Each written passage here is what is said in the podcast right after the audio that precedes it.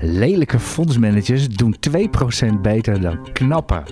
Met dit spraakmakende wetenschappelijk onderzoek kwam Tracy Alloway van Bloomberg. Uh, die komt daarmee op de proppen, dus dan klopt het als het Bloomberg is. Ik heb underperformance dit jaar, Niels. En jij? Nou, ik heb het afgelopen vrijdag ingevuld. En ja, ik stond precies met, als je echt de verschillende indices als gemiddelde neemt, zat ik op uh, precies gemiddeld. Dus uh, ja, ja, misschien een anticlimax. Maar, maar gekeken is dat onderzoek echt naar uiterlijk van de ja, persoon? Echt naar uiterlijk. Ja, maar dat is ook weer normatief. Want wie de ene lelijk vindt, is de ander weer knap. En, nou ja. ja, het is 2023. Dus dan kijken we naar dat soort dingen. En niet blijven naar harde, naar harde cijfers. Uh, dat gaan wij wel in deze podcast doen, uh, Niels. Harde cijfers, zeker. Ja. Nou, u hoort het al even. Niels Koerts, aandelenanalist van X.nl. Ik ben Arend Jakamp, marktcommentator van X.nl. Het is de EX Beleggers podcast van vrijdag 6 oktober alweer. En wat is het een mooi weer. En de AX eh, begint dat ook door te krijgen. Het is 20 over 10. We staan eh, plus 2 tiende in het, in het groen. We zitten een paar uur voor het payroll report aan. Dat weten wij nog niet wat daaruit gaat rollen. Vanmiddag Amerikaanse arbeidsmarktcijfers. En u weet, daar kan de markt nog wel eens wat op bewegen. En als ik het over de markt heb, heb ik het niet alleen maar meer over aandelen. Waar we, waar we het eigenlijk altijd alleen maar over hebben in deze podcast. En waar het over de beurs op gaat, nou, over gaat. We hebben het ook wel eens over rentes hoor, genoeg. Maar dat is denk ik wel het thema ook deze week. Uh, rentes die steeds verder oplopen. En uh, naar, ja, richting weer nieuwe records. Ja, langjarige records, zowel in de VS als, uh, als in Europa. Ja, dus... om even wat, wat, cijfertjes te geven. De Nederlandse 10-jaarsrente, dat is een beetje de, de, benchmark, de standaardrente waar we naar kijken. De risicovrije rente, zo heet het ook wel, die is 3,2% op dit moment. De Amerikaanse liefst 4,8%. En de Amerikaanse hypotheekrente, die staat op 8%. Ja. Zou jij je huis nog kunnen betalen als jij nu 8% uh, rente zou moeten betalen? Nou, dat, dat zou nog wel lukken, maar dat wordt, dan wordt het wel pijnlijk. Dan zijn die leuke vakanties die ik af en toe eens doe, dan uh, is ja, dat wel dat voorbij. Formule, ja. dat Formule 1 kan je wel vergeten. Ja, en, uh, dan moet daar wel op bezuinigd ja, worden. Ja. En jij hebt natuurlijk ook een weekje ondergedoken gezeten in Barcelona om, om de NN en ASR-hordes te ontvluchten. Of was het niet zo erg? Ja, het stond al ver van tevoren geboekt, dus dat is mijn excuus, uh, mijn alibi. Maar nee, ik heb zelfs gewoon ook alles in de gaten gehouden en... Ja, ik ben er gewoon weer bij. Vanochtend geland zelfs. Dus, uh, Oké, okay, dus je bent echt... Je bent, en bent, zonder koffie, hè? Zonder koffie doen we het gewoon. Oh, nou, nou, hoor eens even. Niels, eh, Niels even wat over. Maar ik, ik, ik noem ze nu even, die, die verzekeraars. Kun je daar even snel wat over zeggen? Het was natuurlijk, eh, van de week hebben we geen nieuws gezien. De Nee. koersen zijn wat, wat hersteld van die... eh, Van die eh, Ja, je ziet het wat terugkrabbelen. Maar zoals met die eh, verzekeraars. Kijk, die kapitaalgeneratie bij NN is 1,8 miljard verwacht ik dit jaar. Eh, wat ik toen ook al zei afgelopen week. De verwachte, het slechtste scenario wat ik heb berekend is ook dat je ongeveer rond die 1,8 miljard aan claims moet gaan betalen. Dat is één jaar cashflow. Ja, dat is niet, het is vervelend, maar niet dusdanig dramatisch dat het een koersdaling van bijna 20% zou moeten verklaren. Dus die, die business case voor de lange termijn is nog altijd goed. En ja, je ziet het daardoor misschien nu weer wat opkrabbelen. Waarom ben je daar zo van overtuigd? Want ik heb behalve Berenberg en ABN AMRO... heb ik helemaal niemand doorzien komen nog met, uh, met analyses, nieuwe koersdoelen, et cetera... Voor, voor, die, voor die verzekeraars. Alleen Berenberg en ABN AMRO... Ja, zeg ik dat goed? ABN AMRO dus. Die hebben hun advies niet gewijzigd, maar wel het koersdoel wat verlaagd. ik- met, ik- ik ongeveer, eh, met, ongeveer, eh, met ongeveer 10% Is, maar de andere banken zijn nog niet doorgekomen. Betekent dat die, dat die rekensommen nog hoogst onzeker zijn? Ja, maar zegt dat- dit dat allemaal zijn- wel heel Nee, overtuigd. dat klopt. Nee, maar dat is ook zo. Kijk, natuurlijk, eh, ik heb natuurlijk gebruik gemaakt van een bandbreedte. En daar zitten natuurlijk een aantal aannames in. Een aantal hoeveel claimanten, hoogte eh, van, de, van de claims. Eh, dat zijn allemaal al wel aannames eh, waar je mee rekent. En dan kom je uit op een bepaalde bandbreedte. Eh, en, en ja, op basis daarvan, daar ga je dan ook weer mee rekenen. Ja, dat is hoe het werkt. En ja, je weet ook, als je aannames doet, niets is helemaal zeker. Maar ja, je, je kunt wel een reële inschatting eh, daarin maken. Oké, en wekenlang niks van je laten horen, dat is natuurlijk ook niet echt. eh, Nee, nee, dat is zeker niet eh, bij JX. Nee, want we weten gewoon dat particuliere beleggers willen meteen de dag erna horen. Wat moet je doen? En dat snap ik ook wel. exact. En eh, daarom moet je wel eens inderdaad eens een beetje. eh, ja, eh, zit je dus inderdaad wel eens een beetje in het luchtledige te werken. In ieder geval, ja, we hadden het helemaal niet afgesproken dat we gingen behandelen. Ik sta nog helemaal met de introductie van deze podcast. Maar ik denk dat u het niet erg vindt dat we dit even tussendoor doen. Wat gaan wij doen, deze podcast? We gaan uitgebreid gaan we het over flow traders hebben. Want dat is ja, eigenlijk wel een beetje merkwaardig wat er aan de hand is. Niels gaat dat zometeen uitgebreid duiden. En wat hebben we nog meer? Dat vind ik eigenlijk best wel een beetje spannend, uh, Niels. We hebben Azerion op bezoek. Die zijn hier op bezoek vandaag bij EX. En ja, die hebben we natuurlijk even gevraagd van kom even langs in de podcast. Natuurlijk is veel aan de hand met, met Azerion. Wij hopen, wij gaan wat kritische vragen stellen. En uiteraard mag Azerion gewoon vertellen wat, ja, hoe zij het zien, hoe zij alles lezen, wat er aan de hand is. En dan moet u zelf uw conclusies maar gaan trekken. Uh, we hebben een versnelde ronde. We hebben heel veel luistervragen. We hebben veel aandelen die even kort ter die even kort ter sprake komen.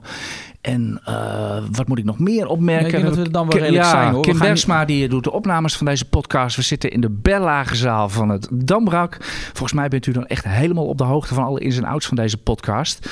En we starten altijd met de brede markt. Wat was er allemaal te doen uh, de, deze week, Niels? Ik zag zelf heel veel mensen die ik nog nooit over de rente heb gehoord, die daar ineens heel druk mee zijn. Ja, maar vind je het gek als er nieuwe recordstukken op het borden staan? En sowieso rentes, wij kijken er altijd wel naar, ook in mijn eigen waarderingen je neemt het mee. Omdat, uh, nou, heel simpel, hoe hoger de rente, uh, ja, hoe meer rendement je ook eist op aandelen, want de risicovrije rentevoet gaat omhoog. Uh, dus ook hoe lager de prijs die je bereid bent voor een aandeel te betalen. Dus ja, dat zit gewoon ook in mijn modellen, waardoor ik hoe ik tot waarderingen kom. Neem je de rente mee. Dus wij kijken er natuurlijk altijd al naar. En ja, je ziet het nu oplopen. Dus dan kun je ook verwachten dat als die ramingen niet verder, je winstramingen en cashflow-ramingen niet omhoog gaan, dat dan ook de koersdoelen wat omlaag gaan daardoor. Dat hoort er nou eenmaal bij. Dat hoort er nou eenmaal bij. Waarom is dat? Nou ja, dus al dat ik zeg, ja, uh, wat ik net wilde uitleggen, inderdaad, als de risicovrije rentevoet... Hè, ja, 3,2 procent Als dat ja. omhoog gaat, als je daar met een, een, een veilige belegging uh, meer rendement kan halen, wil je dat natuurlijk ook gecompenseerd zien met aandelen waar je meer risico voor loopt. Dan wil je dus meer rendement. Ja, als je meer rendement wil maken, moet je gewoon een lagere prijs betalen. Dus lagere waarderingen. Zo gaat het dus, dus. En als je het echt theoretisch noemt, toekomstige kaststromen ga je dan ver, uh, verdisconteren met een hogere verdisconteringsvoet. Ja, dat is. Dat nu, is, je, dat is, word je heel technisch. Ja, dat is het technische. ja, maar dat is, ik probeer het in Jip en Janneke taal uit. Dat is het technische verhaal. En dit, dit is ook de reden dat heel veel cyclische en groeiaandelen, ja, vooral die met onzekere cijfers, laat ik die zo maar even noemen, dat die ook gewoon heel slecht presteren op dit moment op de beurs. Dus als je in Justy Takeaway zit of Ebusco, dat soort aandelen, u hoeft niet naar het bedrijf zelf te kijken wat er nou aan de hand is. Dat die koers maar blijft dalen, blijft dalen. Dat is gewoon een marktbreed renteverhaal, toch? Ja, dat speelt natuurlijk mee. Want bij die groeibedrijven liggen die winsten verder in de toekomst. En als je dus met een hogere rente werkt, dan ja, zijn die winsten die verder in de toekomst liggen gewoon minder waard. Ja, dat is in feite het, ja, wat het is. logisch. Ik bedoel, als je nu zeg maar uh, zonder risico 3,2% uh, kan krijgen in een hoogst onzekere economische situatie. De wall of worry is enorm op dit moment. Ja, waarom zou je dan gaan beleggen voor mo mogelijk winst ergens over vijf jaar misschien? Dat wordt dan, uh, dat wordt dan een stuk meer, minder aantrekkelijk. Ja, dus betaal je een lagere prijs. Ja, nou, we noemden al even wat scores, wat de rentes doen. Ik raad u heel erg aan als dat, dat, hele renteverhaal, als dat abracadabra voor u is en hoe de, de verhouding met aandelen zit. Als u dat lastig vindt, ik raad u echt van harte aan de podcast deze week van Lucas Daalde van BlackRock. Die heeft er echt verstand van. Die legt in 20 minuten uit wat er allemaal aan de hand is. En het is een hele mooie test, want hij gaat van makkelijk naar moeilijk. Dus als u er na twee minuten al niks meer van begrijpt, dan hebt u echt achterstand. Dan hebt u echt kennisachterstand. Dan moet u nog wat gaan bijspijkeren. Als u dus zeg maar na, na tien minuten een kwartier niks meer van begrijpt, laat dan maar lopen. Want het is dan echt voor de, voor de vastrentende jongens en meisjes onder ons. Dat is echt, dat is echt heel technisch. Want, uh, de obligatiemarkt, ja, we denken rente, uh, dat is allemaal heel simpel. De obligatiemarkt is echt razend ingewikkeld. Ja, klopt. En de podcast van Lucas Daalder heet Daalder Denkt Hardop. Is wel handig om even erbij te vertellen hoe die podcast oh, heet. Ja, ja, ik denk dat iedereen zoekt dat wel op op Twitter. En dan komt het al, uh, nee, zo werkt het dat allemaal, niet, Dan komt het allemaal wel uh, dat allemaal goed. Ik denk dat we verder niet zo heel veel over die, die, die rentes hoeven te zeggen, ja, waar de top ligt, uh, nobody knows. En wij uh, voorspellen, voorspellen nooit koersen. Wat ik wel zag vanochtend is dat de waarderingen ook van de aandelen in die is dat die echt wel omlaag gaan. Dus wat dat betreft klopt het verhaal wel. Maar ja, waar dan uiteindelijk de tops en de bodems gaan liggen, uh, dat, weet, dat weet niemand. Het is wel zo dat die rente echt aan het versnellen is. Dus een keer een reactie zou niet zo heel gek zijn. En waar, ja, waar de waardering ook omlaag gegaan is, en dan hebben we het over vandaag is Philips. Want daar kwam vanochtend natuurlijk ook uh, het nieuws naar buiten dat ja, de FDA toch niet helemaal tevreden is met de onderzoeksresultaten over eigenlijk de manier waarop Philips dat onderzoek heeft uh, gedaan. Dus ze eisen een aanvullend onderzoek hè, naar aanleiding van die uh, ja, dat gaat dan over het effect van dat afbrokkelende schuim op de gezondheid van mensen. Veroorzaakt het wel of geen kanker? Philips zegt van niet en de FDA is gewoon nog niet onder de indruk van het uh, geleverde bewijs. En ja, dat is wel iets waar we altijd al voor waarschuwen. Zeker bij Europese bedrijven als het gaat om rechtszaken in de Verenigde Staten. Europese bedrijven krijgen altijd het, het nadeel van, uh, van de twijfel. En uh, dat zie je nu ook weer. Dat is een, dat is, ben je heel stellig in. Kun je dat hard maken? Heb je daar data van? Uh, nou ja, of is dat gewoon een gevoel wat je hebt? Nou, ook wel persoonlijke ervaring, nee hoor. Maar dat, je ziet dat wel. Er zijn echt wel, dat hebben we echt de laatste jaren echt wel gezien. Een mooi, bekendste voorbeeld is Bayer, maar je ziet het nu ook weer met Philips. Dus ja, dat is. En dat is bijvoorbeeld een mooi voorbeeld. Ja, waar een Johnson Johnson met die opiaten. Ja, affaire wel gewoon met enkele miljarden wegkomt. Een Bayer heeft nog steeds niet kunnen schikken. En die zijn al, ik geloof, tientallen miljarden hebben ze al moeten betalen. Dus, ja, ja. Er zit er ook nog steeds een significante korting in het aandeel op de, op de, waardering, zeg maar. Bij, ja, bij, bij, Bayer, absoluut, zeker. Natuurlijk ook wel zo, wat nu ook meespeelt, is die bedrijfsprestaties slechter zijn dan verwacht. Uh, maar je ziet nu, en als je het nu weer hebt over Philips, ja, dit, dit gaat er gewoon nog, nog lang in zitten. En ja, uh, het is bekend dat ik hier nu wel redelijk voorzichtig mee ben. Ja, dus dit kan Philips gewoon nog jaren achtervolgen. Ja, uh, ja het is begin oktober. Het cijferseizoen zal zo langzamerhand wel beginnen. En ja, dan is het altijd uh, uitkijken voor winstwaarschuwers. En gisteren hadden we er eentje. En niet zo'n beetje ook zeg. In, in Parijs kwam Aalstom. Ja, ik greep meteen naar mijn haren. We hebben het over de rente. En die kwamen met een. Ik heb hem volgens mij nog nooit gezien. Is meestal een winzet of een omzetwaarschuwing. Die kwamen met een vrije kaststroomwaarschuwing. Ja. Niels, jij bent aandelenanalist. Is dit een rode vlag of is dit een rode vlag? Ja, dat is meestal wel, ja. Nee, dat is niet wat... Dat is Min het laatste... 40 ging het aan. Ja, nee, dat is, dat is heftig. Ja. En als, met dat soort koersuitslagen zou ik altijd heel erg oppassen met uh, denken van... nou, ik ga het nu even bijkopen. Ja, te meer daar... Uh, ik, het, ik ken aandeel, het, ja, het aandeel was ook al heel hard afgekomen. Ja, maar dus, dus het is gewoon ik, echt nog een trap na. Ik dit. ken het bedrijf eerlijk gezegd niet. Wat doet het het is, het is een Frans industrieel bedrijf, maken onder meer treinen. Oké. Okay, uh, ja. ja, je weet zo'n Frans bedrijf, Parijs, heeft dan ook altijd wel wat te vertellen. En het is heel erg Frans, Aalstom. Dat, uh, laat, ik het zo maar, laat ik het zo maar zeggen. Maar de markt twijfelt dus nu aan de houdbaarheid van de schulden. Nou, als je, moet, als je nu in deze markt je, je naar de banken moet om opnieuw... Uh, slecht, slecht verhaal. Dan ga je heel veel meer rente betalen. Dus het is een, uh, het is een slechte... Ja, ja, zegt het, slecht verhaal. Dus ja, nogmaals, spring niet meteen in dit, dit soort aandelen. Hè. We hadden natuurlijk ook bij de verzekeraars. We hadden het bij Adyen. Gaat iets keihard omlaag. En dat wil niet zeggen dat het meteen een dip is die u moet kopen. Te meer als het scenario gaat veranderen. En ik denk, ik weet bijna wel zeker dat het scenario voor Aalstom ook gaat veranderen. Ja, dat is als jij uh, al een hoge schuld hebt en je cashflow uh, verwachtingen gaan fors omlaag. Dat is, en de rente stijgt, dat is geen lekkere combinatie. Oké, okay, moeten we nog meer zeggen over, over de brede nou, markt? Ik had ja. natuurlijk nog wel eventjes ook even politiek Den Haag. Want daar was uh, afgelopen week ook wat, of deze week wat nieuws kwam daar naar buiten... dat die bankenbelasting, die verhoging, valt wat lager uit dan verwacht.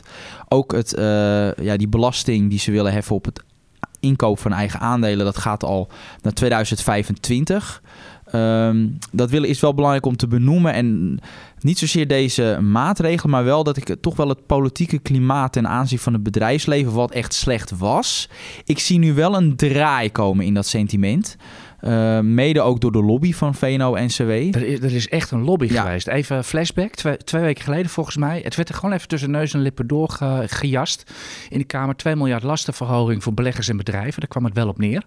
En uh, ik, ik, ik schrok echt van het gemak waarmee dat, uh, waarmee dat gebeurde. Zo van, jeetje, het, het sentiment hier, het politieke sentiment hier in Nederland... is wel heel erg anti-bedrijfsleven en beleggers. Ja. Want jij, ziet, jij, jij spreekt van een draai. Ja, dat komt het zit hem dan wel ook in toon, maar ook wel in wat er gezegd wordt. Uh, met name zijn, ik merk, heb gemerkt dat uh, politici toch wel geschrokken zijn naar die koersdaling van de banken op die uh, maatregelen vanuit Den Haag. En toen de dag daarna, wij hebben het helaas wel dat ja, een beetje gemist. Het was voor eerst sinds eeuwen dat, er, dat gewoon een Nederlands bedrijf reageerde ja, op Nederlands ja, politiek ging echt, echt min 3, min 4 procent erop. En toen zag je ook de dag daarna in, bij die algemene beschouwing dat Klaver al een wat meer terughoudende toon nam. En BBB, en dat zeggen ze zelf ook, Caroline van der Plas, is gewoon helemaal gedraaid. En dat is natuurlijk interessant, omdat zij een heel groot zijn in de Eerste Kamer. Dus uh, ik durf wel te beweren dat die, uh, met name dat aandelen inkoopprogramma, hè, uh, dat, dat, dat, dat belasten daarvan, wat ja, dan zou je de enige zijn in Europa die dat doen, dat dat wordt afgeschaft. Met als je ziet wat er nu de verhoudingen zijn in de Tweede Kamer, in peilingen en de zetelverdeling in de Eerste Kamer. Dan kan ik me niet voorstellen dat daar een meerderheid voor gaat komen. Nou ja, dat zou in ieder geval goed nieuws zijn voor onze ja, ik, beleggers. Ik, echt wel een, dat is een positieve draai hoor, in, echt sentiment. Ik heb dat echt ja, gezien. Gisteren ook, uh, stond er ook weer, uh, ja, eigenlijk tussen de regels door, werden ook weer wat bankiers geciteerd. En die zeggen eigenlijk van, ja, jullie kunnen wel dit soort regels allemaal gaan verzinnen en belasten. Maar op een gegeven moment gaan wij misschien wel weg. En als we worden overgenomen, dan komt het hoofdkantoor zeker niet in Nederland te staan. Blijkbaar is de Kamer gevoelig geworden voor dit soort argumenten. En ja, laten we, laten we het maar hopen. En ik bedoel, zelfs Peter de Waard, eh, toch best wel een linkse beursvolger, in de Volkskrant schrijft van het heeft geen zin om, uh, om de belastingen voor de rijken omhoog te gooien, want die gaan toch weg. Ja, dan, dan denk ik, ja, tussen realiteit en, uh, en idealisme, uh, je moet toch wel een mooie, tussen, mooie middenweg zien te vinden. En ik denk dat het nu hoogste tijd is om naar flow traders te gaan, ja. Niels. Als ik, als ik even mag af, af, aftrappen, de flow traders is in 2014 of 15 uit mijn hoofd naar de beurs gegaan. Dat is zo'n hele hoge prijs. Ja. 40 plus geloof ik zelfs. ja, in ieder geval, ja, het gold als duur toen het naar de beurs ging. En eigenlijk was het een heel makkelijk aandeel. Uh, zo van, hè, uh, het is een marktpartij, het is een prachtige hedge tegen volatiliteit. Dan gaan, als, als onze aandelen naar beneden gaan, dan gaat flow traders veel geld verdienen. En uh, zo compenseren we dat een beetje. En verder ja, is, de markt, is er druk op de markt, is het volatiel, verdienen ze veel geld, komt je als aandeelhouder ten goede en is het minder druk, dan uh, verdien je wat minder. Was eigenlijk heel simpel. Maar zo simpel is het al. Nou, wat is het? Een jaar, anderhalf jaar niet meer? Het, wat, wat, wat, is er aan de hand, joh? Ja, je zou denken dat nu de staat noteerde deze week even op het laagste niveau ooit. Dan zou je denken van, nou, er moet echt iets aan de hand zijn. Nou, wat is er aan de hand? Nou, we hebben natuurlijk een, uh, bijna geen handel. Uh, of tenminste heel, heel beperkt. Lage volatiliteit. En ja, race is een market maker. Ik bedoel, als jij een ETF koopt, dan zie je vaak een bied en een laat. En, en dat verschil daartussen, dat, dat gaat, dat, daar verdienen die handelspartijen tussen. Nou, op het moment dat je dus heel veel volatiliteit hebt, zie je ook dat die, spread groter wordt. Uh, meer handel verdient float traders meer. Um, alleen ja, er zijn dus, je hebt bij zo'n float traders, je hebt gewoon goede en slechte jaren en normale jaren. En wat we sinds de beurs gewoon altijd hebben gezien, is dat als er een slecht jaar is, waar ze bijna niets verdienen, dan gaat die koers hard omlaag. Dat hebben we eind 2017 gezien. Stond er ook iets van 17 euro op het bord. Uh, en als er dan veel volatiliteit is, gaat het omhoog. En, en uh, ja, nu zie je het weer dalen. Als analist is het heel belangrijk om juist dat lange termijn plaatje in, uh, in in, in je gedachten te houden. En niet alleen maar te kijken van, oh, er is nu geen volatiliteit. Dus de komende half jaar wordt het niks. Uh, ik ga maar verkopen. Dat is echt een verkeerde uh, manier van denken. Ik zeg altijd van, je moet een soort van gemiddelde rekenen tussen wat is flow traders in staat om in een goed jaar te verdienen een middelmatig jaar of gewoon een normaal jaar en een slecht jaar. En daar is wel leuke data van sinds uh, 2008, dankzij onder andere het Ad Value Fund, die hadden dat allemaal uitgerekend. En uh, sinds 2008 uh, waar, was er, ze nog niet genoteerd. Nee, dat klopt. Maar toen was er iedere drie jaar, is er sinds 2008 een topjaar. Dus iedere drie jaar, 30%. Was er één, zat er één, iedere drie jaar een, een goed jaar tussen, een normaal jaar en een slecht jaar. Nou, het is wel zo, de afgelopen, sinds 2008, er was wel wat gebeurd. Hè, dus het was ook wel een bijzondere periode. Dus stel als je conservatief gaat rekenen, nou, flow traders is bijvoorbeeld dat je zegt, één keer in de vier jaar hebben ze een absoluut topjaar, zoals in 2008, zoals in uh, 2020. Ja, daar, daar maar, dat kan zelfs met één dag, kan dat al. Ja, ja. dat kan. Dus uh, stel dat je gewoon vanuit gaat, één op de vier een topjaar, twee normale jaren en één slecht jaar. Nou, dan gaat het erom, wat is flow traders in staat om in die verschillende jaren te verdienen? Nou, als je zelfs conservatief rekent, in een slecht jaar verdienen ze altijd nog wel een eurotje per aandeel. Dus dus 1 euro. In een normaal jaar zitten we een beetje op die 3 euro. Dit, dit, is een slecht jaar. Gaan ze een euro verdienen? Ja, wel wat meer hoor. Dus uh, um, ja, het is een beetje tussen een middelmatig en een slecht jaar. Het is net hoe je het definieert. Maar in ieder geval slecht jaar een eurotje normaal jaar moeten achter ze in staat 3 euro. Maar in een goed jaar, en dat hebben we bijvoorbeeld corona gezien, toen verdienden ze zelfs 11 euro. Dus zelfs als je uitgaat van 9. En gewoon een, een beetje conservatief rekenen. Als je daar een gemiddelde, gewogen gemiddelde van neemt, dan zit je al op 3,5 euro per aandeel um, aan winst dat ze maken. Nou, wat is de huidige beurskoers? 16. Dus het zou betekenen dat je nou ja, rond de vijf keer uh, de verwachte gewogen uh, winst uh, betaalt. een bank. Nee, maar dat is dus dat is bijzonder laag. En Um, en is het voor 14 eh, euro uh, cash per aandeel in het uh, bedrijf? Wordt ja, altijd geroepen. ja, maar goed, dat hebben maar ze niet wel... voor de aandeelhouders Nee, bedoeld, dat bedoel ik. Hè? Want dat is ook als jij een handelshuis hebt, wil je wel cash achter de hand hebben. Als je toevallig zelfs als je op Bermuda zit. Ja, zelfs als er een, een handelaar, als er een, dus een handelaar eventjes een, een, mega verkeerde inschatting maakt of gewoon een, een blunder maakt, dan een moet vette, je wel een vette vinger. Ja, dan die, heb je die, komt nog voorbij in deze ja, podcast. Dus dan heb je dat geld wel nodig. Dus, maar dat is echt wel een bijzonder lage waardering. Want een jaar geleden stond er nog 30 plus voor zo'n voor zo'n float race. Dus dat geeft aan hoe, hoe gevoelig dat ja, zo'n aandeel is voor sentiment. En ik vind het gewoon belangrijk om daar doorheen te kijken. Nou, ik zie dit ook. is het volgens jou echt puur een sentimentskwestie. Heeft het niks te maken met het presteren van flow traders zelf. Nou ja, die marges staan die wel... moeite hebben een nieuw business te ontwikkelen. Kosten lopen op, concurrentie neemt toe. Ja, maar kijk, als je eh, het langjarig, of tenminste sinds bijvoorbeeld 2008 kijkt... en dat hadden ze bij AdValue ook eh, berekend... dat zowel de winstgevendheid eh, in de normale, slechte als goede jaren... is gewoon echt, echt behoorlijk ook gestegen ieder jaar. Dus zij verdienen ieder jaar gewoon aan hun business meer... Ook omdat ze er veel in investeren. Dus het is helemaal geen business waarin ze, in ze opereren. En sowieso, als je kijkt naar die lange termijn, uh, die EPT-markt, dat zijn die Exchange Traded eh, Products. Dus ETF's zijn dus een voorbeeld van waar ze in ja, handelen. Dat, is een absolute groeimarkt. Dat is een groeimarkt. Uh, ook de meer elektronische handel in obligaties. Hè, dat was een mooi voorbeeld. Dat in, in, ja, men hebben het over tien jaar geleden, werden eigenlijk bijna obligatie bijna niet digitaal verhandeld. Nou, nu zie je dat enorm toenemen. Daar profiteren ze van. Ja, maar dat zie ik, dat zie ik niet terug. Want we hebben, we kennen natuurlijk de fix, de, de volatiliteit van de aandelen. Maar we hebben ook een MOVE-index, als ik dat zo goed zeg. Dat is de volatiliteit van de obligatiemarkt. Die staat gewoon op highs. En, uh, en uh, waarom verdienen ze daarna geen klauwen met geld? Uh, ja, nou ja, in, ik geloof in het eerste kwartaal hebben ze er wel degelijk mee verdiend hoor. Dus het is helemaal niet dat ze daar niets mee verdienen. Alleen het is een veel minder belangrijk aandeel in hun winst. Maar daar investeren ze wel in. Um, nou, dat exacte, het is gewoon een, echt wel min, echt niet, ja, significant minder dan dat ze met ETF's verdienen. Exacte percentage weet ik nu even niet uit mijn hoofd.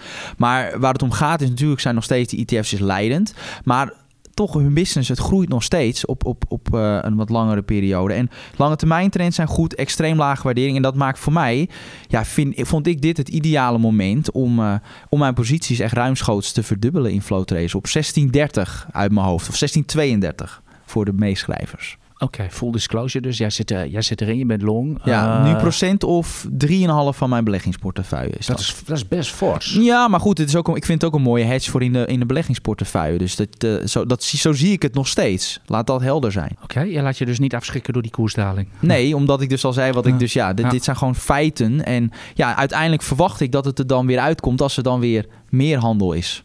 Dus... Uh, en dat het dan weer wordt, wordt opgepakt. Dus, en dat, zo is het bij flow traders tot nu toe altijd gegaan. En daar ga ik nu weer vanuit. Dus uh, ja, maar dan zitten we natuurlijk nog wel met het probleem van die aandelenmarkt is wel aan het zakken. Nou, wat, wat staan we? We staan 8, 9 procent onder de, onder de top zo ongeveer.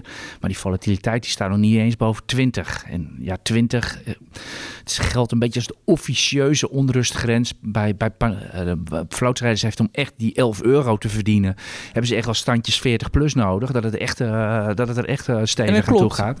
Maar dan heb je het weer over korte termijn. En ik vind die lange termijn vind ah. ik gewoon belangrijk. En uh, ik, ik, ik ook in zakenbank... Maar voor heel veel mensen is drie koerstikken Dat weet, dat weet ik termijn. wel, maar ik heb echt zakenbankenrapporten gezien. Dat de koersdoelen die fors worden verlaagd puur omdat het...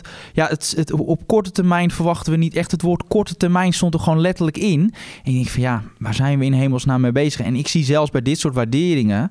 Uh, moet je er niet gek van opkijken dat ineens toch een private equity partij uh, erop gaat duiken. Want of, een, of een management buyout. Ik ja. bedoel, Roger Hodenius, die kan natuurlijk kan. ook wel, de, hè, zeg maar de oprichter van Flowtraders, die ja. kan natuurlijk ook wel een rekensommetje maken. Nee, maar dat, dat kan. En ik, ik zou eerlijk gezegd, en dat klinkt misschien gek, ik zou echt heel verdrietig worden als dit bedrijf nu voor 25 euro van de beurs wordt gehaald. En is het leuk dat korte termijn winstje te pakken. Maar ik denk dat er op lange termijn veel meer in zit. Dus, 25 uh, euro is op dit moment wel een knock-out bot als, als er ja, iemand nee, dat doet. Uh. Ja, nee, dat is procent of 50. Dus uh, ja, ik zou er echt, echt oprecht verdrietig van worden. Omdat ik zie hier veel meer waarde in, in deze onderneming. Nou, ik denk dat dit een mooi bruggetje is om naar de luistervragen te gaan, Niels. We trappen af met een vraag van Frank Amsterdam. En hij vraagt: waarom gaan clean energy aandelen zo hard omlaag ondanks de energietransitie? toevallig heb ik daar van de week veel over geschreven. En er komt ook veel informatie over naar buiten. Ehm, ja, er wordt gewoon geen geld verdiend. Ehm, heel opmerkelijk verhaal deze week. De topman van Shell die gaat intern uitleggen uh, waarom ze inderdaad nu echt, laat ik maar even heel, grof zeggen, voor fossiel gaan en niet voor duurzaam. Hè? weet, die nieuwe topman van Shell, die is, uh, die, is wat Amerikaanser dan de vorige, dan, uh, dan Ben van Beuren. Laten, laten we het zo maar even, even zeggen. Uh, die, gaat, die gaat uitleggen, ja, wij gaan voor aandeelhoudersreturn. En als uh, wij kijken op dezelfde manier naar onze duurzame activiteiten als dat we naar fossiel kijken. Het moet gewoon, het moet gewoon geld opleveren. Daar komt, het, daar, komt het, uh, daar komt het gewoon op neer. Dat is het verhaal van Shell. duurzame aandelen presteren op dit moment inderdaad heel slecht. En ja, ze verdienen geen geld. Hè. Er, gaat veel subsidie, er gaat veel subsidie in rond. En uh, ja, er wordt gewoon niet half zoveel geld mee verdiend als met, als met olie en, en dan gas. gaat de rente hard omhoog. Ja, dan uh, zijn dat soort bedrijven natuurlijk eventjes uit de gratie. Ja, dus straks, dat is een... uh, ja, straks bij, de, bij de grafieken, want ik doe ook altijd even een grafieken rondje, plaatjes die me zijn opgevallen, komt er eentje voorbij. En dan zal ik dit, dit verhaal nog even wat, wat verder duiden. Nu door met een vraag van de Batom88. Ja, hoe mensen ook een profielnaam hebben. Maar hij vraagt, is de koersdaling van Alstrom terecht? Nou, we hebben het ook even kort al over gehad als je met zo'n heftige winstwaarschuwing komt en je hebt veel schulden op de balans staan, dan uh, ja, zeggen we al van zou ik toch even wegblijven. Dus, ja, het gevaar is natuurlijk dat het, dat het, dividend, ja. er, uh, dat het dividend eraan gaat. Dus dan, uh, ja, dan zijn dividendbeleggers weg. Dit is gewoon, ja, dit is gewoon uitkotsen wat er gisteren is gebeurd. Er is geen ander woord voor. dat is een beursterm die wij bedacht hebben, toch? Nee, nee, nee. Of is, nee, is die al nee, bekend? Nee, nee, oh. nee die, dat is een hele oude. Oh, dan onder, hebben we hem gejat van iemand Ja, anders. nee, die hebben we graag gejat. Okay. Dus, dat, maar het, ja, het is, het is natuurlijk grof taalgebruik, maar hij is wel helemaal raak. Oké. De derde vraag is van Freek de, de Lissen. En hij zegt, waarom zijn een aantal consumer staples aandelen in de VS zoals PepsiCo en Procter Gamble zo hard gedaald? Want ja, dat zijn natuurlijk wel meer defensieve aandelen. Zou je zeggen, die zouden wat beter moeten kunnen blijven? Ja, dat vind, dat vind ik een goede vraag. Hoe liggen in Nederland uh, Ahold, uh, Heineken en Unilever erbij? Ja, die zijn wel wat beter laten blijven liggen. Alleen het, het, probleem in de VS is wel dat ook defensieve aandelen zoals PepsiCo en, en Procter Gamble, die, die waarderingen zijn wel, die zijn eigenlijk bijna gewaardeerd eigenlijk als een groeibedrijf. En, ja, ja, die zijn echt twee keer zo duur zo wat dan de Europeanen. Ja, ja misschien, misschien we daar moeten zoeken. Maar de, deze vraag overvalt me wel een beetje. Dus uh, ik, ik weet zo gauw het antwoord niet. Nee, ja, toch, toch, dan zou ik toch weer richting dat renteverhaal uh, gaan. Bij, omdat bij dat soort hooggewaardeerde aandelen. Maar in ja, Europa... zijn er misschien ook bedrijven met misschien schuld? Of ik, ik, ik, ik, weet, het, ik weet het zo gauw niet. Nou, verhoudingsgewijs valt het geloof ik nog wel mee. Ja, bijna denken, Tot slot een vraag over Umicore. Want we hebben natuurlijk best wel wat Belgische luisteraars. Oh, niet en over gaan- Euronaf? Nee, nee ja, dat was natuurlijk het nieuwstuk vanochtend uh, over Euronaf. Maar die, toen, die vragen hebben we nog niet binnengekregen. Maar die, die is van Olivier Cotteny. En die zegt, graag hoor ik jullie mening over het bedrijf Umicore... dat aandeel noteert rondom het laagste niveau sinds 2016... Ik heb er ook even naar gekeken. Het is wel, ja, het is gewoon voor de helderheid een bedrijf dat uh, een belangrijke speler op het gebied van recyclen van batterijen en edelmetalen. Zou je denken, nou, dat moet een goede business zijn. Is het op zich ook wel. Uh, alleen wat we dit jaar heel erg zien is dat marges onder druk staan, groei valt weg. Ja, en als je 13 keer de winst uh, genoteerd, ja, dan denk ik nou nog niet, dan ben ik nog niet zo heel happig om uh, nu meteen in te stappen. Groeivooruitzichten zijn op zich wel gunstig. 10% de komende twee jaar per jaar wordt verwacht. Maar ja, winst per aandeelontwikkeling val, verwachtingen vallen dan wel weer een beetje tegen. Dus ik zou nog even mijn kruid droog houden. Even, even tussendoor, dus ons, uh, Niels. Ja, jij hebt flow traders gekocht. Maar ben jij, nog, ben jij nog meer dingen aan het kopen of wat dan ook? Ik hou op dit moment even mijn kruid droog. Ik hou er wel een aantal in de gaten die ik wel nee, interessant vind. Nou, kijk, dus, uh, nee, ik heb, ik heb natuurlijk NN bijgekocht vorige week. Ja, maar en heb jij bijvoorbeeld uh, ook de... Uh, hoe kijk je tegen de AX aan? Die heeft er gewoon echt al even min 10% ja, gestaan. Ja, ja. Uh, intradag weliswaar. bij de dip, we kennen het natuurlijk allemaal. zijn het geen dingen die jou aanspreken? Of? Nou ja, ik, ik kijk natuurlijk vooral de individuele aandelen. en ja, als ik daar individueel kansen zie... en dat zag ik bijvoorbeeld nu met flow traders en NN helemaal... Um, dus, dus ja, als er, als er kansen voorbij komen, dan uh, ja, kan ik altijd wat bijkopen. Het is wel zo, dan moet ik vaak ook weer een klein beetje trimmen. Zoals wat ik heb bijgekocht bij Flow Traders is ook weer een deel. Bijvoorbeeld van Kinopolis heb ik weer wat een deeltje verkocht. Dus het is niet helemaal met nieuw geld uh, erin. Oké, okay, nou, ik, ik, ik, wacht even af en ik zie het wel. Ik koop niet meer blind dip zoals ik jaren gedaan heb. Bij de dip was naar mijn uh, bescheiden overtuiging echt een trucje wat in de gratis geldmarkt uh, werkte toen de rente nog nul was of daaronder. En in de huidige markt werkt dat niet meer, uh, werkt dat niet meer zonder meer. Misschien ook wel, maar in ieder geval, ik ga daar niet, ik ga daar niet voetstoos van uit. We zijn door de vragen heen. Uh, ja, nou, we hebben natuurlijk nog... Uh, ja, dat klopt. Ja, de, de, vragen die we geselecteerd hebben, zijn er doorheen. Uh, dan is het misschien denk ik nog wel... ja, had ook vette vinger ASML. Je pakt ook altijd een aantal grafiekjes erbij van, van bedrijven... Ja, waar we dan niet heel veel over... Niet veel ja, Geen technische analyse in ieder geval. Nee, Dat, die hebben we ook niet deze keer, toevallig. Nee, Wouter, Wouter en Tom zijn uh, op vakantie. Ja, dus ja, dat, dat kan. kun, jij niet, kun jij niet even ad interim eh, TA nee, doen? Nee, eh? doe dat maar niet. Je moet wel doen waar je goed in bent. Dus, uh, dus geen TA voor mij. Maar, ik zeg ehm, altijd, ik mag van mijn moeder geen lijntjes meer in grafieken tekenen. Oh. Zo maak ik me er altijd vanaf. maar goed, de grafiek van de week, stuk die van ASML met die vette vinger. Kun je dat een beetje duiden wat dat betekent? Ja, vette vinger. Het, het, is, een, het is een bekende term op de beurs. Het is als een orderfout gaat. Er wordt een verkeerde order ingelegd. Je legt een uh, order voor futures in en je doet er een nulletje te veel in. En dan gebeuren er hele rare dingen. Uh, dat is het idee. Ik denk zelf dat iedere professionele handelaar... dat je toch eigenlijk wel ooit een keer in je leven... een keer een vette vinger moet hebben gehaald. Vind je eigenlijk ook niet? Dan ben je pas echt een volwassen handelaar. nou, toch heb je het liever niet hoor. Nee, nee want wat gebeurde er gisteren? Uh, ASML ging zomaar echt in één, één of twee koerstikken min 2,6 op redelijk volume. Niet echt echt heel erg veel. En het stond gewoon een paar tellen verder, uh, stond het gewoon weer terug.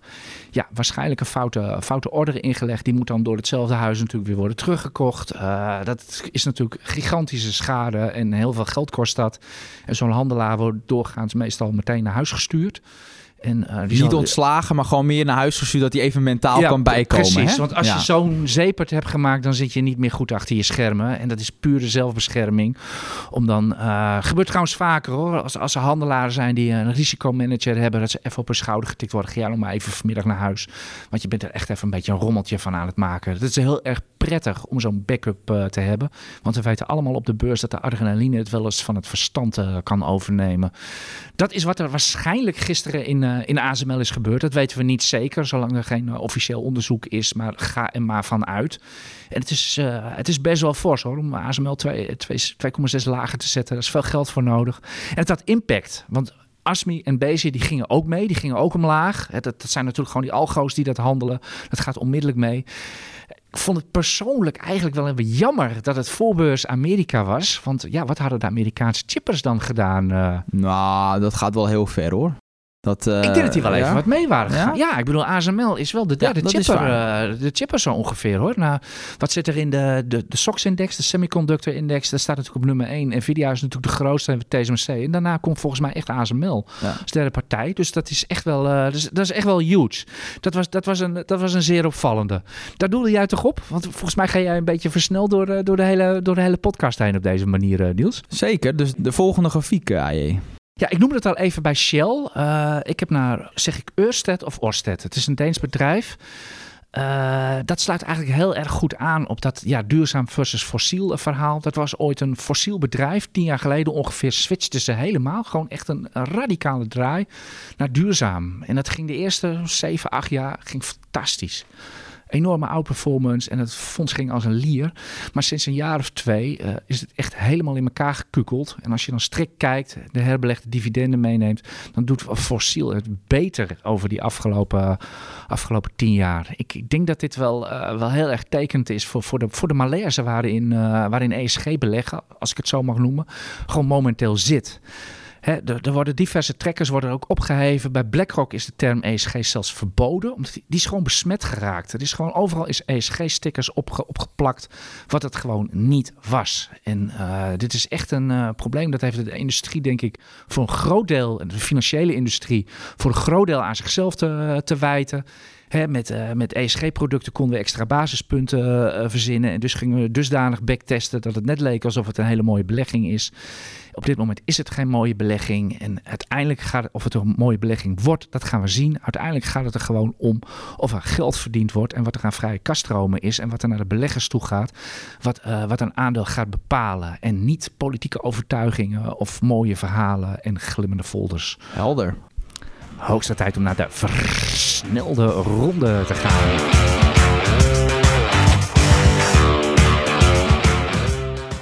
De huizenprijzen zijn voor het tweede kwartaal op rij gestegen. Hebben, hebben we de bodem gezien?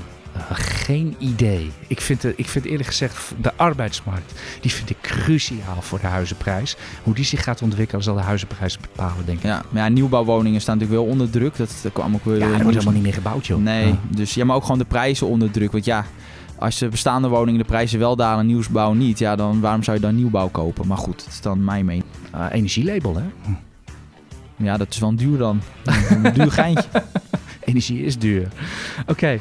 Argen, Alpha en Ebusco zijn de meest afgestrafte aandelen binnen hun index AX, AMX en ACX. Welke van de drie is de meest interessante turnaround aandeel, Niels? Ja, nou dan zou ik voor marge gaan. En er is eigenlijk maar één bedrijf dat echt serieuze marge maakt van de drie. En dat is dan Adyen. Dus daar zou ik dan eerder voor, eerder voor gaan. Ja, die zou, die zou, ik, zelf, eh, die zou ik zelf ook kiezen. eh. Corné van Zijl gisteren met hele mooie grafiekjes over de instroom in, eh, in, in trekkers, aandelen, eh, dat soort dingen. En wat blijkt nou? Het is vooral groeiaandelen waar we in en uitduiken. Groeiaandelen, u kent ze allemaal wel. Zijn wij Nederlandse particuliere beleggers? Zijn wij beleggers of zijn wij gokkers, Niels? Eh, nou, dus, er zitten een paar gokkers bij. Maar ik hoop wel dat we mensen nu een beetje opleiden dat het echte beleggers worden. Dus ja, eh, uiteindelijk is, ik ga voor het uiteindelijk laatste. is Shell het aandeel waar de meeste mensen in zitten. Dus dan komt het wel goed. En ook Berkshire is heel populair in Nederland. En tot slot, eh, ja, de, de advertentieinkomsten van Twitter zijn ja, gehalveerd sinds dat eh, Musk is aangetreden als topman van het bedrijf, sinds hij het heeft overgenomen. Heeft hij een kat in de zak gekocht of is het toch echt zijn eigen schuld? Uh, Twitter is niet meer beursgenoteerd. X heet het nu gewoon. Dus uh, het is zijn probleem. Dat kan me helemaal niet schelen. Nee, maar het is natuurlijk wel, ja, op zich is het wel god, leuk om te volgen, of niet? ja, dat zeker. Hij moet trouwens weer bij de SEC komen. Hè? Dat, uh, Alweer? Ja, in verband met de overname van Twitter. Ik weet niet precies waarom, maar het is ongelooflijk. Uh, Musk is de enige die het durft om de SEC te tarten. Echt, die, die, hij komt gewoon niet opdagen of op Twitter daagt hij ze uit. Uh, echt, ik denk dat het ook net als echt ongelooflijk. Ik, ik denk ook net als dat het met Twitter dat het een duur grapje wordt. We gaan zo verder met de IX Beleggers podcast, maar eerst graag uw aandacht voor de voordelen van een IX-abonnement. Mijn naam is Patrick Bijsbergen. Als IX-abonnee ontvangt u dagelijks kooptips, de beste analyses van onze experts, toegang tot onze modelportefeuilles en het wekelijkse magazine IX Expert, het beste beleggersblad van Nederland. Ga naar ix.nl slash actie en voor eh, slechts 24,95 bent u drie maanden abonnee. Dan komen we nu bij het, uh, ik vind zelf toch wel spannende onderdeel van deze podcast. Ja, de gast is uh, Sebastiaan Moesman, directielid van, uh, van Azerion. Ja, en Azerion, daar is natuurlijk wel het een en ander mee te doen dit jaar op de beurs. En niet alleen dit jaar. Niels, jij bent aandelenanalist. Ik stel voor dat we hier maar gewoon puur neutraal als aandelenanalist naar gaan kijken. En dan komt alles denk ik wel ter sprake. Ja. Trouwens, Sebastiaan, er loopt een, er loopt een AFM-onderzoek naar, je, naar jullie topman, die nu ja, geschorst is, maar hij is even teruggetreden. Het is denk ik voor het eerst ooit dat een, dat een bedrijf waar, waar een AFM-onderzoek uh, naar loopt, die, die gewoon voor een microfoon durven te verschijnen. Ja, dat, klinkt misschien apart. Kijk, wij mogen natuurlijk uh, en kunnen ook niet meer zeggen dan al in het publieke domein uh, bekend is. Dus uh, wat dat betreft ben ik, ja, sta ik er open voor. Vragen kunnen gesteld worden en sommige dingen kan ik misschien verduidelijken en sommige niet. Ja. Laten we het hopen. Ik geef het woord aan jou, Niels. Ja, kijk, ik denk, uh, we, we, hebben dit je ook gevraagd om onze ja, luisteraars ook wat, uh, ja, we willen ook gewoon wat meer verdieping in, onze, in de bedrijven die, uh, die genoteerd staan op het Damblak. Daar horen ook de wat kleinere bedrijven bij. En het is ook een mooie, mooie manier, een interview, om gewoon wat meer te, te, weten te komen over Azerion. En daarom hebben we je ook uitgenodigd. Dus ik denk, ja, als we gewoon beginnen, ik denk dat het aandeel bij het grote publiek nog niet eens zo heel bekend is. Ik denk dat we gewoon heel simpel beginnen. Ja, of, of het moet gewoon zijn van dat het, dat het ja, iets van min 80 onder de IPO-prijs staat. Ja, nee, natuurlijk van dat de koers jaar hard, is gedaan. Maar wat, wat echt de business is van Azerion, ik denk dat dat ook wel interessant is om op in te gaan. Dus vandaar ook, ja, als je echt zegt van hoe verdient uh, Azerion zijn geld? Wat, wat is het verdienmodel van, uh, van Azerion? Ja, duidelijk. Ja, uiteraard ook een uh, goed begin inderdaad. Uh, Azerion zit in, eigenlijk in de markt van digitaal adverteren. En, uh, en, dat betekent eigenlijk dat wij uh, de adverteerders in diverse landen, we zitten in geloof ik 28 landen met uh, 34 kantoren, daar bieden we de adverteerder doelgroepen aan op een enorme schaal. En dat tegen een, een, een gunstige prijs en dat op een, op een makkelijke en ja, laten we zeggen, veilige manier. Dus het gaat allemaal over adverteren en hoe we de adverteerder kunnen helpen om succes te hebben met hun advertentiecampagnes. En dat in de digitale wereld. Ja, en dat ja je bent dus niet, een, niet zoals jullie altijd worden geïntroduceerd, een gamingbedrijf. Gaming is, we hebben een, zoals we dat dan noemen, liefde voor gaming en Europa. en dat zit hem in het feit dat we zijn begonnen met, met gaming, omdat dat voor ons een heel interessante ingang was in digitaal adverteren. Je kunt je voorstellen als je in 2014 met een internetbedrijf begint, dat uh, als video met YouTube of social met Facebook, er zijn een heleboel bezette gebieden waar je niet zomaar snel een groeibedrijf in start. Maar in de gaming, en zeker in de casual gaming, heb je het vaak over duizenden, miljoenen hele kleine spelletjes. Waar adverteren wel mogelijk is, maar niet Ehm, ja, niet, niet operationeel handig. Want ja, voor een adverteerder om 300 mensen te bereiken, dat, dat werkt niet. Dus we hebben toen besloten van laten we beginnen met gaming. En dat allemaal bij elkaar brengen in één engine. Dus als aggregator uh, al die spelers bij elkaar brengen. Zodat je als adverteerder daar makkelijk bij kan adverteren. Nou, zo is het begonnen. Ja, dus dat je als adverteerder dus eigenlijk in al die games eigenlijk reclame maakt in één klap. En dat je dus een veel grotere groep mensen kan bereiken met je advertenties. Precies, en dan hoef je als adverteerder niet al die mensen, al die spelletjes te bellen en te kijken of je daar kan adverteren. Dan bel je alleen ons en dan regelen wij dat het over de spelletjes die bij jou passen uh, verspreid wordt. Maar dat is door de jaren heen, en de, we hebben ook heel veel acquisities gedaan, komen we vast nog eventjes op terug. Mhm. Maar de, de, inmiddels is het uh, aandeel van die uh, gameomzet ongeveer nog 20% van het, van de totale advertising inkomsten. En zijn we daar, daarnaast veel groter geworden in alle ja, of je kranten of andere grote publishers in digitaal, die, die draaien vaak ook onze advertenties. Ja, dus het is gewoon echt online advertenties, dat, dat is waar jullie je geld mee verdienen. Ja. ja wat, wat, heeft, wat heeft tussendoor, Niels? Wat heeft doorgaans op de beurs hogere waarderingen? advertentiebedrijven of uh, of gaming? Weet je dat toevallig? Uh, ja, dat hangt er wel een beetje van af met, met gamingbedrijven wat de groei vooruit. Dat hangt, alles hangt af van. ja, want er, er, zijn wel een aantal genoteerd, maar dat, dat fluctueert. Om, ja, als je net dat ene spelletje waar je heel veel geld mee verdient, dan, dan gaat die waardering. Ja, en hoe lang blijft dat dan populair? En uh, ja, dat is allemaal zeer gevoelig. Er is wel, er is een kleine. We hebben natuurlijk, zal veel mensen niet ontgaan zijn. Van de zomer hebben we één zo'n spel verkocht. Klopt, eh, ja. Ja, ik, ik vond het altijd lastig om het uit te spreken. Dat heet Juda Games. Heet zo, heet het, eh, zo heet de studio. En, de, en het spelletje heet The Governor of Poker. En dat staat in... Dat ken ik wel. Ja, exact. Nou, heel veel mensen kennen dat. staat in, in heel veel landen ook op nummer 1 in die app stores. En die, dat spel zelf is dus... Um, ja, we hebben uiteindelijk um, een initieel bedrag van 81 miljoen daarvoor gekregen... met een mogelijke upside nog van extra 70. dat zegt wel wat over uh, dat bedrijf, maar tegelijkertijd ook over de waardering. Waarom hebben we dat ook verkocht? Omdat wij zien dat in het advertising platform uiteindelijk de schaal zit, de schaalbaarheid ook zit. En in, in de losse games heb je toch over spelers en constante groei, zeg maar. Dus als je het praat over de waardering tussen games en advertising, dan kun je je voorstellen dat je met dezelfde kosten kun je het advertentieplatform vrij snel opschalen. En dus ga je uh, steeds meer en steeds sneller winst maken. Terwijl met spelletjes is het vaak zo dat je, ja, je, zoekt, je doet advertenties om spelers te krijgen. Die spelers die gaan weer besteden. En dat is dan een vrij stabiele uh, groei en kosten. Uh, dus naarmate het groter wordt, zie je dat de advertising uh, dan, omdat het een schaalmodel is, vaak de hogere waardering krijgt. Het is natuurlijk wel zo dat uh, Azerion zelf is onderaan de streep nog niet echt winstgevend. Het bedrijfsresultaat wel positief, steeg ook in het tweede kwartaal. Zag je toch wel een, een behoorlijke groei. Wat is precies de driver achter deze groei van eigenlijk de laatste jaren bij, bij, uh, bij Azerion? Ja, de, de groei, ik, je moet het ook zeker vergelijken, niet alleen kwartaal op kwartaal, maar ook met vorig jaar. En dat is natuurlijk ook een, dat, daar gaat het ook heel hard omhoog. En dat zeg ik omdat de advertisingwereld wel heel uh, seizoensgebonden is. Hè. Dus je hebt een eerste en een derde kwartaal die relatief laag zijn. En een tweede en een vierde kwartaal, waarbij het vierde kwartaal echt uh, dan ja. uh, het grootste deel van het jaar voor een hoop bedrijven goed maakt. Dus van kwartaal 1 naar kwartaal 2. Ja, ik keek op jaarbasis hoor. Dat is wat de standaard doen. En, en dat, ehm, maar dat is, daar, zit, daar zit een aantal groeifactoren achter. Um, het begint ermee, denk ik, dat uh, we als uh, bedrijf vanaf, vanaf het begin gezegd hebben: uh, we zoeken altijd om ons heen naar kleinere spelers die, uh, als we die uh, overnemen, een, een, mooie bijdrage vormen aan ons, uh, aan ons platform. En dat betekent dat we ook in 2022, in de tweede helft van het jaar, hebben we ongeveer acht acquisities gedaan.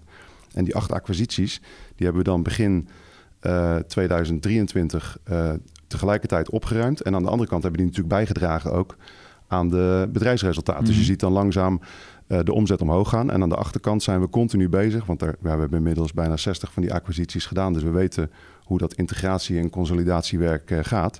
Dus we zijn continu die bedrijven aan het opruimen. Uh, en dan, ja, dan worden ze steeds efficiënter en gaat dus ook de, uh, onderaan de streep de resultaten omhoog. Maar is het nu niet lastiger om ook uh, overnames te doen? Want we zien de rente stijgen. ik geloof Azerion moest laatst ook weer een grote obligatie moesten ze herfinancieren. Is dat, merk je niet dat dat dan ook lastiger wordt om, om geld op te halen? Ja, de, zo, er zijn eigenlijk twee kanten van, hetzelfde, van dezelfde medaille. Um, in onze markt is het, en zeker in Europa, heb je heel veel kleine spelers. En die moeten opboksen tegen de, de Googles van deze wereld. Dus als jij een heel leuk idee hebt uh, rondom advertising, bijvoorbeeld met audio-advertising, wat de laatste paar jaar dan uh, opkomt, dan kun je een klein bedrijf starten wat dat, uh, wat dat bouwt. Dan krijg je vrij snel wat klanten, want het is een heel nieuw, leuk concept. Maar na een tijdje, ja, dan moet je of echt doorbreken. Of als de omzet langzaam begint af te kalven of niet meer hard gaat groeien, ja, dan loop je eigenlijk in de, in de val van te klein zijn. Uh, want je hebt nog steeds hoge kosten, want je hebt dat product gemaakt, et cetera, et cetera. En dan, ja, als de, als de financiering stopt en, en de omzet gaat niet omhoog, dan kom je in de problemen. Nou, die bedrijven die komen juist vaak bij ons terecht. Die zeggen, ja, we hebben eigenlijk een heel goed idee. Alleen we zitten door corona, door Oekraïne, noem het maar op, zitten we eigenlijk een beetje tegen een soort plafond aan te boksen op dit moment. En ja, eh, we houden dit niet lang vol. Kunnen jullie ons helpen? En dan kijken we en dan zien we een fantastisch idee met een uh, matige financiële positie. Dan zeggen we, nou kom maar, want voor onze toekomst is dat goed. En dat betekent dus dat wij eigenlijk relatief goedkoop bedrijven kunnen uh, overnemen en onze groep kunnen helpen. Dus dat is eigenlijk het voordeel van ja. de economische tegenwind. Daarmee nemen we natuurlijk ook vaak hun problemen initieel over. En dat is waarom je eigenlijk de afgelopen jaren, het is een keuze van ons om onderaan de streep, zeg maar, weliswaar voorzichtig te zijn. Uh, maar niet alles te mikken op een soort uh, positief uh, bottom line. Mm -hmm. Want ja, je, die bedrijven die je koopt, ja, soms hebben die een heleboel uitstaande schulden, zeg maar. Ja, die neem je dan mee over. En dat komt natuurlijk terug in onze totaalcijfers. Ja. Maar we doen het allemaal omdat we zien dat als we hun overnemen, dan kunnen we hun boekhouding uh, centraliseren. We kunnen de techniek van ze overnemen. Kantoren hoeven niet meer. Gewoon efficiëntieslag kun je maken, waardoor je uiteindelijk verwacht dat je er ook exact. gewoon mooie winsten mee kan maken. En daar hebben we dit jaar bijna 20 miljoen uit de kosten gehaald van die, uh, van die bedrijven die we overgenomen hebben. Uh, en dat, dat vertaalt zich allemaal terug in een steeds gezondere bottom line. Ja, wat mij trouwens ook opviel aan de, aan de cijfers, aan de tweede kwartaalcijfers, was dat jullie de outlook gelijk hadden gehouden vooruitzichten voor dit jaar. Uh, terwijl jullie dus wel dat, dat Jouda Games Juda, hadden, ja. Juda hadden verkocht. Dat is ook een, was wel een significant onderdeel van bijvoorbeeld het bedrijfsresultaat. Wat maakt dat jullie het wel aandurven om die uh, outlook desondanks te handhaven? Ja, uh, nou Juda en Poker waren heel winstgevend inderdaad. Dus, maar we hebben het natuurlijk wel pas vanaf 1 september is het uit de boeken. Dus je hebt vier maanden zeg maar niet. Mm -hmm. Tegelijkertijd zagen we in het begin van het jaar dat al die kostenbesparingen en efficiency maatregelen die we genomen hebben zoveel resultaat leveren. Uh, dat we denken dat we daar het missende gat van de uh, EBITDA van uh, Juda kunnen vullen met de kostenbesparing die we hadden gehaald aan de andere kant. Dus daarom is die, eigenlijk hebben we daarmee dus een, een opwaartse uh, uh, guidance gegeven. Ja, want, dat klopt. Ja. En dat werd ook in de markt verkeerd geïnterpreteerd, want ik zag berichten voorbij komen. Ja, dat was wel weer apart. Ja, ja soms zit ik ook, eh, je kunt je voorstellen, daar komen we vast ook nog op. Uh, en je begon al over het AFM-onderzoek. Maar ja, in het nieuws, slecht in het nieuws komen is niet altijd omdat het slecht nieuws is. Dit ja. was eigenlijk heel goed nieuws, maar het werd op een, een vrij, laten we zeggen, aparte manier gebracht. Maar feit is natuurlijk wel dat het, het aandeel ongeveer 80% lager staat. En dat komt ook omdat ja, het bedrijf slecht in het nieuws is geweest. En onder andere natuurlijk met dat AFM-onderzoek. En uh, ja, dat gaat natuurlijk onder andere over uh, ja, onregelmatigheden in de, aande uh, in de handel van de aandelen Azerion. Um, waar ook de oprichter ITK natuurlijk een, een, rol in speelt. Kunnen jullie, hè, kunnen jullie ja, daar want, iets wat, over hoe, zeggen? Ja, want hoe, hoe zit dat nou precies? De beide heren, ik heb, ik heb vanochtend nog even nagekeken, hebben nu 15 en 11 procent ongeveer van de aandelen. Maar dan is er ook nog dat Principion. Hè, waar, zij natuurlijk, natuurlijk ook eigenaar van zijn. Dat belang was iets van, van 40, 50 procent begin dit jaar. Dat is nu, is nu 15, zag ik, zag ik staan. Jij mag het uitleggen. Wat is daar in vredes? We zaten er begin het jaar allemaal met, met grote ogen naar te kijken. Wat is er aan de hand bij Azerion? De koers kletterde dagelijks naar beneden. Grote omzet. En dan komt de AFM om de hoek kijken. Wat is er allemaal aan de hand? Dit is, Ja. kans om, dit is de kans om het in jouw woorden te vertellen. Ja, Eh, dat, dat, dat snap ik heel goed. En, en je begrijpt eh, hopelijk ook hoe voorzichtig ik daarin moet zijn. Maar, Uiteraard, snap ehm, ik. eh, kijk, er zijn, het belangrijk verschil is dat de Principion Holding en de personen eh, Attila en, en Umut zijn niet, zijn niet Azerion. Hè? Dus als ik hier namens het bedrijf praat, dan moet ik heel erg... Ik kan dingen verduidelijken die ik, die ik weet, maar ik kan niet als Azerion zeggen wat ik vind van, eh, van die situatie. Principion is een, eh, was namens de oprichters de BV, zeg maar, de, de aandeelhouder in, uh, in Azerion. En er zitten een aantal mensen in, waaronder Attila en, en Umut. En die hebben eigenlijk nog steeds samen hetzelfde aandeel als vroeger. Dat, dat is tussen de personen en de BV. Ja, daar, daar, daar, kunnen, daar kun je een beetje kijken van. maar uiteindelijk is er niets veranderd. Want als je beurs, naar die beurs gaat, dan krijg je een periode van een lock-up van een jaar. En in dat hele jaar kun je eigenlijk helemaal niks. Nee, maar het is, het is dus wel raar dat, uh, dat, dat Principium Holding, dat ze, hè, waar zij dus ook onderdeel van uitmaken, dat zij dus dat er een optieconstructie wordt opgetuigd, waarbij ze dus het recht geven om te verkopen tegen 5 euro, wat toen een lagere beurskoers was van op dat moment. Dat geeft natuurlijk wel een slecht beeld naar, naar de markt. Ik snap het. En dat is, dat is eigenlijk een fantastisch punt wat je aanhaalt, want dat, dat is namelijk nooit, dat is nooit gezegd. Wat je nu zegt, een put-optie voor 5 euro dat bestaat niet. Dat is een, een, een gedachte. Dat, maar dat, dat heb ik overal in de, in de media exact, vernomen. Exact, ja, ja, en dat is, we hebben ook nog geprobeerd om uh, te rectificeren. Maar mensen hebben dat uh, niet willen doen. Maar wat er, wat er feitelijk gebeurt, is dat je bijvoorbeeld, en dat staat er ook, dat je uh, voor 50 miljoen of maximaal 10 miljoen aandelen kunt verhandelen onder dat contract. Maar dat kan ook één aandeel van 50 miljoen zijn. Niet de, de waarde daarvan is helemaal niet nooit vijf geweest. Mhm. En um, ik kan daar, ik moet een beetje voorzichtig zijn met wat ik daarvan zeg, maar als je daar even over nadenkt, dan blijkt dat het helemaal geen uh, wantrouwen was in het eigen bedrijf of ook niet lager dan wat op dat moment de koers was. Het was meer een, en dat stond ook in het persbericht, de, de, de poging om mogelijkerwijs een soort liquiditeit te gaan genereren. Nou, dat is een, het cruciale punt daarvan is dat mensen hebben op die 5 euro uh, gehamerd. En misschien is door dat, uh, door dat nieuws zeg maar, de koers ook wel omlaag gegaan. Maar daar zie je dus aan dat uh, uh, het nieuws is niet per se de, werk, de waarheid. Ja, heel interessant. Ik vond het ook interessant om te zien, want we hebben ook daar echt een, wel... Een dalende koers is wel de waarheid. Ja, exact. Ja. Nou, dat is natuurlijk... Kijk, ik denk de dalende koers is als je kijkt naar dat jaar en je pakt onze peers erbij Um, dan heb je Amerikaanse en Europese. Dat ligt natuurlijk een beetje aan wie je kiest. Maar die techsector heeft natuurlijk na die uh, rentestijging en die Oekraïne natuurlijk sowieso een hele grote klap gekregen. Dus, ja, dus ja, kijk, dat, dat, dat je aandeel een dreun heeft gekregen in de huidige markt, dat hebben we deze dat, podcast precies. ook al geduid. Dat hoef je niet bedrijfsspecifiek nee. op te spelen. Dus, dat, dus is gewoon, is gewoon, je, dat is gewoon de rente. Dus, daar bovenop, dus daar bovenop ligt dan inderdaad nog een stuk sentiment. Nou, dan krijg je dit. Uh, dit is een onderdeel daarvan, denk ik. Uh, maar je hebt, het, het is, je hebt best wel een regelmatige uh, nieuwsfeed, zeg maar, die, um, uh, die ons niet echt per se een plezier doet. Bijvoorbeeld, um, uh, je had het heel even over die uh, is het niet een beetje te makkelijk om de pers maar de schuld te geven? Nou ja, kijk, ik geef niemand de schuld, maar zoals nu wat je net zegt met die 5 euro. Ja, als, als er mensen zijn geweest die gezegd hebben van oeh, ik ga verkopen, uh, want ik vertrouw dit niet zo. Dan is dat wel gebaseerd geweest op meer sentiment dan uh, ja. werkelijkheid. Maar uiteindelijk is het natuurlijk wel zo, uiteindelijk gaat de beurskoers natuurlijk wel de winstgevendheid volgen. Wat tot slot ook voor vraag, ik, um, het is natuurlijk wel voor Azerion een nadeel dat die beurskoers zo laag is. Want uh, zeker in de strategie door veel overnames te doen, wil je meer ruimte hebben ook om kapitaal op te halen. Die ruimte is er qua aandelenuitgifte nu veel minder verwacht je ook dat dat impact over de, op de lange termijn groei uiteindelijk? Ja, ik verwacht geen impact. We hebben eigenlijk deze zomer ook... Uh, uh, we hadden een hele berg met treasury shares. En dat zijn eigenlijk aandelen die we in portefeuille hadden... om ook bedrijven over te nemen. Nou, die, die hebben we allemaal gecanceld de afgelopen paar maanden. Omdat we hebben gezegd van oké, als dit de situatie is... En zowel de markt als ook de bedrijven die we overnemen, die hechten niet uh, de waarde aan die aandelen die, uh, die wij eraan hechten. Dan kunnen we die bedrijven beter met cash kopen. Oké, okay. en, en, die cash was wel beschikbaar? Nou ja, wij, wij genereren ook al, het bedrijfsresultaat is wat we willen dat het is. Dus als wij echt geld verdienen, dan steken we dat al heel snel weer in een acquisitie.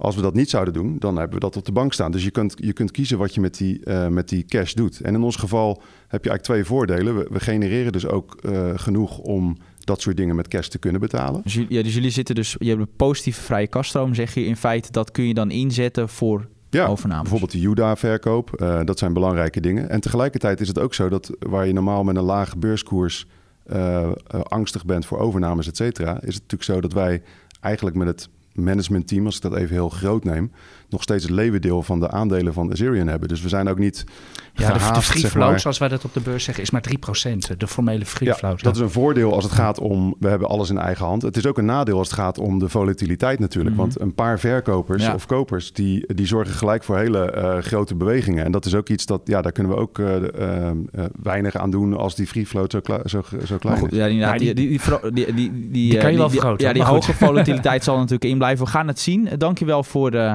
voor je komst hier. En ik hoop dat mensen nog wat meer duidelijkheid hebben gekregen. Meer informatie over, over Azerion. Oké, dankjewel Sebastian gedaan. Moesman. Dit was weer de IX Beleggers podcast van vrijdag 6 oktober. Niels, je hartstikke bedankt weer voor al je, voor al je werk. Want je steekt hier toch wel heel veel tijd in om al die cijfers zo mooi te geven. Kim Bergsma, bedankt voor het opnemen. Wij danken Azerion voor het aanschuiven. En nu heel veel succes deze week op, nee, natuurlijk volgende week op de beurs. Eh hebben een gezellig weekend. En vergeet het niet, hè, de rentes.